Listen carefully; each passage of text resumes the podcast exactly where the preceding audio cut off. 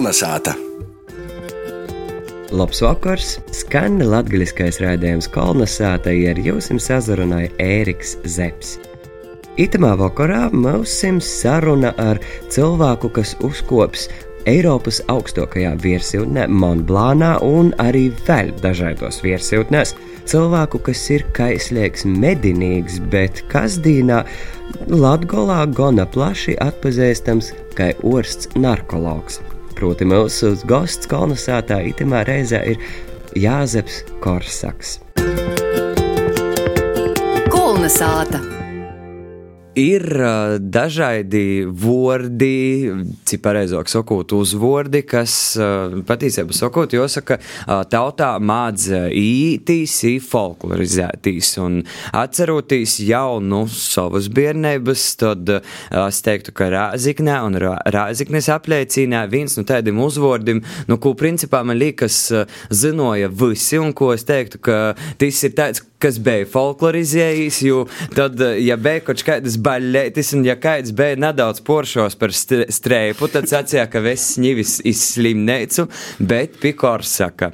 Un attiecīgi itemā reizē mēs esam šeit studijā sazatikuši ar uh, doktoru Jāzepu Korsaku. Labs vakars!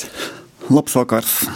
Daļai tas varbūt ir taisnība. Daudz kur atpazīst, jo gan kā doktori, gan kā mednieku, gan arī citi kolēģi tas daļēji palīdz dzīvot, daļēji uzliek arī savu papildus slogu. Principā mūsu latgala un latgales kultūra ir saistīta ar dažādiem, nu, jāsaka, arī dzeršanas stereotipiem, jo, nu, tie pašā, tie paši horoskopi, kas parasti ir cīši labs cilvēks, bet liels dzārojas, vai arī, nu, tomēr mums ir cik kādi treši makaukus muzeji. Nu, kā jūs teiktu, vai šeit latgolā mums ir problēmas ar alkoholu? Es parasti saku tā, ka ar alkoholu problēmu nav. Aizēja veikalā un izvēle ir ļoti plaša. Jā.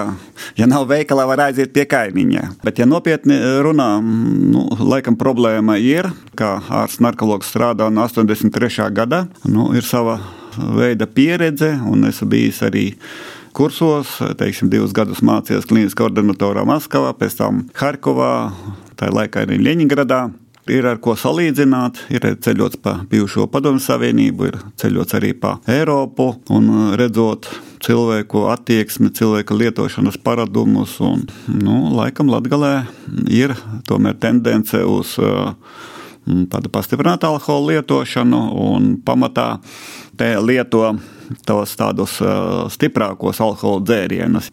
Ir oficiālā statistika, kurā varbūt nu, nevarētu atspoguļot, jā, jo Ne par velti saka, ir statistika, ir liela statistika, maza statistika un, un, un labi noslēpti meli. Bet tāds rādītājs, kas savulaik bija pievērsts uzmanību un pētīts, tā vardarbīgā nāve, cik tie vardarbīgā nāve mirušie cilvēki ir mm, organisma konstatēts alkohols. Tas bija skaitlis, kur cilvēkiem būtu jāizdomājas un jāizdara no tā secinājuma. Un vēl viens tāds jau, jau oficiālāks rādītājs, kas uh, tomēr parādās statistikā, tas ir alkohola delīrija un ar alkoholu saistīto epilepsijas, jeb krampju sindroms. Pacienti, kurie nu, nokļūst oficiālās ārstniecības iestādēs un vēlāk tiek fiksēta šī atrašanās slimnīcā. Nu, tie ir tādi rādītāji, kur, mm, diemžēl, Latvija izceļas pārējo varbūt novadu mm, vidū šmakauka ir tas mūsu dzēriens, tad kā sabalansēt to, lai tas eh, navadinoju šo problēmām un tam līdzīgi? Valsts pamaz pievērš uzmanību jaunatnes eh, izglītošanai, kādas sekas eh, šī alkohola lietošana atstāja uz cilvēku organismu. Un ļoti tā raksturīgi, ka pavasaros un rudeņos, rudeņos tas saistīts ar septembris, oktobris narkotikas nodaļās stājas diezgan daudz pusauģi, bērni, alkohola reibumā, alkohola intoksikācijā. Un otrais periods tas ir vasarā, jā, kad nu, varbūt ir mazāk vēlme pusaudžiem mācīties, un tad nāk vēlme patusēt savu vienaudžu starpā. Jā, tas ir atkal alkohols pusaudžu daudzums, kas nokļūst medicīniskā iestādē, izsauc pārdomas, un kā īsti kārtībā nav ar mums šī nesabalansētība. Jā, mēs no vienas puses gribam iegūt to peļņu, nu, reklamējot un, un, un iz, izplatot šo pašu mītu par šmakovku un, un, un savu veidu kā brendu, jā, un otras puses tās um, nu, šausmīgās, varbūt pat sekas, ko uz cilvēku organismu, īpaši jauna cilvēka pusauģa organismu atstāja alkohols un narkotikas. Bet uh, vai ir kaut kāds tāds pieļaunamais minimums? Nu, ir dzirdēts, ka vīna, sarkano vēja glāze, dīna ir pat vālama, asinsritē un tam līdzīgi. Es atceros vēl padomu laikus, jā, kā nu, savu veidu katrs pasniedza to vēlamo par to īstenību. Sen, sen tas vēl bija ļoti vēl maziņš, bija, un kolhozos bija izteikti neraža. Nu, neraža nav sapļauts sienas, nav skābbarības, nav tur biežu nekā pārējais. Un tad tā laika bija zemja tur da, tāds populārs uh, rēzeknes. Uh, Novadā, ne, rajonā toreiz skaities, jā, bija tāda avīze, un tur tika reklamēts sekojušais, ka ļoti labi ir, kad govis baro ar uh, samaltām niedrēm, un lai viņas būtu spēcīgākas, vajag skujas pievienot. Un es atceros to laiku, kad tas um, slaucējs teica, un es arī pats to, to izjūtu, kā smaržo tas piens, jā, teiksim, tam skujām. Govis, nu, tāpēc, ka citu nebija ko ēst, mēģina ēst arī to pašu visu, jā. Tāpēc arī, arī šeit es um, tādas vēl kaut paralēlas saku, ka um, jebkurš alkohols, tīpaši jaunam organismam, jā, nenobrīd brīdošam organismam, kad iedarbojas uz nervu šūnām, iedarbojas uz organismu, uz endokrēno sistēmu, atstāja noteiktu iespaidu. Un tas iespējas nav no labākajiem. Jā, ja tas ir pieaudzis cilvēks, varētu arī diskutēt, jā, cik mērā iespaido, cik, cik tas ir mm, labs vai, vai slikts. Jā, alkoholam, kā viens mans draugs, psihiatris teica, ir ļoti labs, lai noņemtu stresu, antidepresants, miega līdzeklis, bet ir viens lietas, bet pie viņa ļoti ātri pierod, aug dozas un izteikti viņam šī ne, blakus efekti uz cilvēku organismu. Jā. No kurienes rodas aknu cirozes, jā. no kurienes rodas dzeršanas plānprātība, no kurienes rodas delīrija, no kurienes rodas krampi. Tagad arī tomēr eh, sestdienas vakars, eh, cits svētdienas reizes atkārtojumā cilvēks var būt, kur kaut eh, kādu alkoholisku dzērīnu lītoju un varbūt sok tagad pordomot un sazatraukt, bet kurš ir tas moments, kad ir jāsāk pievērst uzmanību, ka te ir jau problēma? Nu, vai ir kaut kāds kritērijs? Ja otrā dienā labākās zāles ir tās zāles, ar ko viņš saslima, jā, tas ir alkohols, tas jau norāda, ka šeit ir jau problēmas. Šeit ir atkarība no alkohola. Cilvēks pats var spiet ar to tik galā, vai, vai tur ir tomēr kādi kursi vai, vai kaut kas. Tā kā atkarība, kā slimība, jebkura atkarība, atkarība no alkohola, narkotikām, tabakas, azartspēlēm, ir trīs pamatas sastāvdaļas. Ja? Tā ir somatiskā izmaiņas organisma, tās ir psihiskās izmaiņas, tās ir psiholoģiskās. Un, Mans uzskats, ka pamatā šeit ir paša cilvēka nostādne un vēlme un izpratne par savu stāvokli. Jebkurš ārsts, narkologs vai psihiatrs var pielasīt vai, vai, vai atbilstoši nozīmēt medikamentoso terapiju, lai uzlabotu vispārēju veselības stāvokli, teiksim, aknu funkciju, sirds, nieru. Ja, var piemeklēt vai nozīmēt attiecīgas zāles, kas stabilizēs nervu sistēmu, noņems trauksmi, nemieru, depresiju, miega traucējumus. Bet šo te tīri psiholoģisko noskaņojumu un vēlmi cilvēkam lietot vai nelietot alkoholu, tur ir smags darbs ar psihoterapeitiem, psihologiem. Jā. Grūti varbūt uzreiz eh, cilvēkiem izstāstāms. Jā. To būtu jādara tieši jauniešu pusauģu vidū, jāstāsta viņiem. Jā. Kad agrāk bija šīs lekcijas, jā, kur rādījām video filmas, stāstījām. Un kādreiz arī kāds pacients piekrita pastāstīt savu dzīves eh, šo ritējumu. Jā gribētu sarunā ar jums piesaskart arī jūsu pošai dzēvēju, un uh, jūs patiesībā, cik arī pazaverot uh, Facebookā, nu, teiksim, tāds viens no nu, pādējiem uh, lēlim notikumi, un, manuprāt, tīšām ievērojamam, ir tas, ka jūs esat sasniedzis Eiropas Savienības augstāko virsotni, proti Monblāna kalnu, vai cik sen jums ir šī kalnu skopšana, ka tāds, es pat nemāku teikt, tas ir ir sports vai aizrautība vai vienkārši prīka pēc. Vēlme uzkāpt kādā tā, nu, kalnā, tādā ievērumā, kā par Mākoņu kalnu un, un šeit un Liepu kalnu sen jau bija, bet mm, darbs kad strādāju Reizes slimnīcā, jā, um, ne, nebija iespējas izbrīvēt. Mans brālēns Jānis Tramkals sen jau aicināja un stāstīja par tām izjūtām, ko viņš uh, ceļojot pa kalniem. Viņam tāda liela diezgan pieredze. Un es vienmēr teicu, jā, jā, es labprāt, labprāt, un kāda būs pirmā izdevība, un katru gadu, kad viņš kaut kur devās, teica, nu, nobriedi. Nu, nesanāca. Tad, kad pamainīja darbu, nolēma pievērst vairāk uzmanības pats sev un realizēt varbūt vienu otro mm, sapni. Jā. Iespēja radās, un tad mums bija komanda, pieci cilvēki.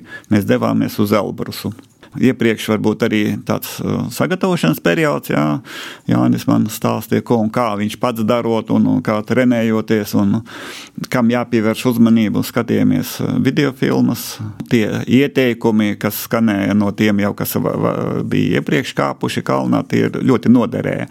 Un man bija tāda pirmā apņemšanās, es tā teicu, kaut vai asinis no, no deguna, bet es tomēr centīšos uzkāpt eh, Elbrusa virsotnē.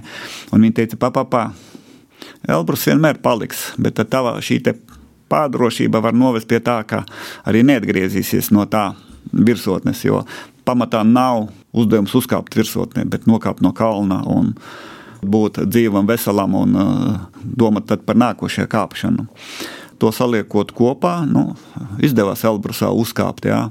Bet nokāpjot no kalna, nu, tas priekš atpakaļ tā kāpšana bija 14 eh, stundas. Jā. Nokāpot no kalna, iekrītot teltē, es teicu, nemūžam vairs nekāpšu. Un cik šobrīd jums ir jau kalni jūsu kontā? Otrā dienā apmēram tā, nu, kas par dulu domu tādu bija iegājuši eh, prātā. Jā. Grūtības ir grūtības, tās īslaicīgs tāds vājuma periods bija. Tad bija e, Kazbeks. Komanda bija laba nolasījusies, jā, un devāmies uz turieni iekarot viņu. Jā. Un tad pēdējais bija nu, tāds doma, ka vajadzētu Monblānu, bet sakarā ar visiem tiem covidiem un uh, ierobežojumiem mēs nevarējām nākošajā gadā. Bet, nu, pateicoties uh, tam, ka mm, Vitālijas Petrhovs ļoti uh, sekoja visiem šiem notikumiem, atļauja iespējas pieteikties un, un kāpt, tad šogad bija šī iespēja. Un mēs septiņi cilvēki no Latvijas, četri, kas saistīti ar Rēzekni puiši, jā, izdevās uzkāpt līdz Monblāna virsotnē un veiksmīgi arī nokāpt, cik grūti vai smagi bija, bet mm, vēlme mm, tika piepildīta. Bet jūs minējāt par šo sagatavošanos, tad kas ir tas sarežģītākais, nu, teiksim, te fizisko sagatavotība vai te ir šeit psiholoģiskā, kas tī izaslādz? Nu, man radās tāds pārliecība, ka nu, bez fiziskās sagatavotības nekur laikam arī netikt. Jā. Kaut gan tad, kad kāpājām Kazbekā, kāpa arī mana meita Evelīna, jā, kur ir mm, nu, varbūt drusku sīkāka un, un, un fiziski ne, netika. Jā spēcīga, jā, un tomēr arī smaguma jānes viss līdzi sev, kā, kā bruņu rupucim, jā, tur gan telts, gan, gan, gan ēšana, gan, gan guļamājas un vispārējais, kas tomēr savs svars sanāk, jā. Fiziskais ir vajadzīgs, bet vajadzīga arī šī apņemšanās un arī psiholoģiskā sagatavotība. Bez tā nevar. Jo kāpjot tajā pašā Elbrusā no pieciem, nu, mūsu grupā pieciem cilvēkiem, mēs līdz virsotnē tikām tātad trīs. Jā. Bija kas jaunāk un spēcīgāk, nu, diemžēl nu, neizdevās. Nu, bija puisis, kurš jau kādus piecus gadus kāpj, organizēja kāpšanas dažādos kalnos, un viņš jau Elbrusā bija uzkāpis. Jā. Viņš kāpjot ar mums kopā tika līdz 5000 un teica, ne mana diena. E, šajos e, aklimatizācijas periodā, tur 3-4 dienu laikā, jāizstrādā šīs kāpšanas temps, e, jāizkā, jānormalizē elpošana, jā, jākoncentrējas uz to kāpšanu. Jā, jo, nu, man bija apmēram sekojuši, ka es 20 soļus paspēru, jātelpojas, jā, jāatgūst tas līdzsvars, un atkal jā. bija momenti, kur teiksim, varēja desmit soļus paspērt un jāpastāv, jā, jātelpojas. Jā. Nu, mums nepaveicās tas, ka mēs nedabūjām atļauju. Nebija vietas tātad tajā 3200 nometnē, no kuras līdz virsotnē tomēr ir mazāks attālums. Teltis tur paši nevar celt, jā, un mēs bijām tajā apakšā nometnē, kur nu, nakšņojam tātad tajā vietā. Nu, tas sanāk apmēram nepilnus divus kilometrus augstuma starpība trase sanāk kaut kur 6-7 km. Tātad jāuzsāk naktī, jo ma naktī mazāk krīt akmeņi, un tas ir tāds kuluārs, ir kaut kur 80-100 metri, kur izteikti krīt akmeņi, un pa to vajag ļoti ātri paskriet garām. Pēc tam nāk siena 700 metru. Tad, kad kāpēc lejā, es apmēram teicu, sekojuši, nē, ja dienā būtu augšā jākāp, es nezinu, vai pat tam divu ar pusstundām augšā uzkāptu visu laiku jārāpjas pa akmeņiem, tur ir troses nostieptas, pie trosēm jā, jāturas, un tīri arī fiziski diezgan problemātiski. Un mums bija apmēram tā bija noruna, visi septiņi startējām, ka, ja desmit stundu laikā mēs netiekam līdz virsotnē, atgriežamies atpakaļ. Jo mums atkal jānokāp pa to sienu 700 metru un jāatgriežas dzīviem šiem te. Nu, bija tad uzkāpjot tos 700 metrus pa to sienu jaunatne, spēcīgākie mūsu sportisti aizgāja uz priekšu. Jā, nu, es ar Jāni Krišānu, puisis no, no, no, no, no dzimis eh, Ludzā, bet mācījies šeit pat Rezeknē. Tagad piedzīvojumu meklētājs cilvēks, viņš ar gaisa baloniem tur uh, nodarbojas, viņš tur ir kājām gājis pa 80 km gan jūrmalu. Nu, tāds manam uh, radiniekam sākās garnu, uh, kalnu šī slimība, garņaška, kā mēs uh, to saucam, jā, pazīmes, un viņš neriskējot atgriezies atpakaļ nometnē. Nu, mēs ar Jānu Krišānu devāmies tālāk. Nu, tad, kad līdz virsotnē bija palikuši 400 metru augstuma starpība, mūsēji jau atgriezās no virsotnes sportisti. Bet mēs teicām, 400 metri tas jau nav daudz. Jā. Mēs tad divatā vienojamies, ka mēs tomēr uz to virsmas sasniegsim. Jo spēks vēl ir, jūtam, ka varam sasniegt arī. Pirmā vilšanās sanāca sekojoši. Tātad šī kāpšana Monblānā ir kā pa kamieļa muguru, te uz leju, te uz augšu. Tas nav kāpiens, kā teiksim, tas pat bija iepriekšējos kalnos, kur nu, tomēr daudz maz visu, visu laiku tu virzies uz augšu, tu redzi to virsotni, jā, tu redzi to attālu, un tu vari apmēram nu, spriest, cik tev spēka ir, kad atpūsties, varbūt ilgāk nekā tās minūtes, divas vai trīs. Un tas bija tāds nedaudz, bet nu, tā kā mums bija iekšā abiem diviem spītība un vēlme sasniegt to kalnu virsotni, nu, mēs devāmies tomēr, jā. Un es pirmais tiku līdz tā virsotnē, un tur bija vēl tik, tikko uzkāpuši ar itāļu grupa. Tāda patīkama sajūta, jā, mēs pielikām pūles, un nekāds jau risks nebija. Jā. E, bet kāpjot uz to pašu Monblānu, es nedaudz biju palaidis garām, ka ļoti bieži ir e, šī iešana pa kori pamatā. Jā. Tātad te pa apmēram 60, 70 metru platu taciņu, gan abām pusēm ir uz leju aizas. Tas, teiksim, rada papildus tādu slodzi, tīri psiholoģisku un fizisku. Tu visu laiku vajag būt saspringtam, lai tev nepaslīd un nekrīt ne pa labi, ne pa kreisi. Jā. Vienā rokā ir, ir šīs cirvītes, jā, ledus cirtnis, otrā rokā ir uh, nūja, šī slēpošanas. Tas, nu, un atpakaļ ceļā, jau no pusceļā, nu, es izjūtu izteiktu fizisko, teiksim, nesakatavotību, izteikti sāpēja ceļgali un, un, un, un augstilps, jā, no slodzes. Bet eh, kas tur ir tāds izteikti pozitīvs, jā, nu, ejot, jā, reizēm tur atpūsties, apsēdies. Ja tūmā ir kāda treniņa grupa, kur ir instruktors, viņš uzreiz dodas pie tevis klāt un prasa, vai nevajag palīdzību. Laikam rakstīts vai nerakstīts viņiem likums, ka uzraudzīt, palīdzēt jebkuram kalnos kopšana ir komandas darbs. Tur viens nevar uzkopt. Nē, tas ir viennozīmīgi, tas ir komandas darbs, jo arī kāpjot kalnos, viens no noteikumiem jābūt sasaitē.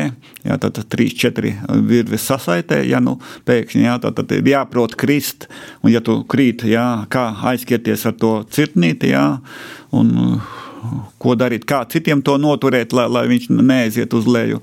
Jo jā, visbiežāk, tomēr, kā statistika liecina, un, un nostāta, ka liela biežāk tomēr nu, cilvēki kāpjot jau lejā, kad ir sasnieguši visu it kā viss ir nomierinājušies, jā, nav tā vairs koncentrācija, un tad notiek. Tad, kad es eh, kāpu no Elbrusa, jā, Mani no aizmugures visu laiku Vitālijas Petuhovs uzmanīja. Ja? Viņam bija tā pieredze, viņš teica, nesteidzies, lēnāk, kājas platāk liec, jo, nu, lai neizskais kājas, kājas, un nu, tu nesāk nenokrīt. Ja? Tas arī, teiksim, tā palīdzēja ja? visu laiku koncentrēties un ne, nepārsteigties. Bet, ne par velti teiciens, ka kalni vienmēr būs, bet vai tu būsi, ja tu pasteigsies? Monblāns sasniegts, vai ir kaut kādi jau to loku plāni, vēl kādi mērķi, kur uzkopt? Es domāju, ka viens no tādiem mērķiem varētu būt Kilimanjāro, un te jau rēzaknieši bija, kuri arī bija noskaņoti braukt, un, un, bet teica, šogad es ne, ne, man pietiek viena kalna gadā, jā, es ne uz to, to daudzumu, ko sasniegt, bet uz tām emocijām, ko tu gūsti, ja esi kalnos, jā. Tās ir, nu, tās ir neaprakstāmas emocijas. Jā. Kas ir tas īspējīgākais? Kāpšana un atrašanās kalnos, jā, ka tev nekādu sakaru nav. Tu vari tikai paļauties uz sevi, uz saviem nu, biedriem, ar ko tu esi kopā. Nu, skaistums var būt, jā, tīpaši tas ļoti labi tika izjūts pirmajā reize, kad, kad bijām. Jā, riet saule, ir mākoņi, tu esi virs mākoņiem, jā, tie dabas skati, tas klusums, jā, to, ko tu pārvari sevī, jāiztiek ar to, to kas, kas tur ir. Jā, gatavojam paši kaut kādu ēdienu un sauso kaut kas, kas tur ir līdzi paņemts. Un vislielākais arī tāda bauda pēc tam, kad tu nokāpi no kalna apziņa, ka tu nu, izdevās tev sasniegt to iekarot. Jā. Un tīri no tādām cilvēciskām interesām tam ir tādām baudām.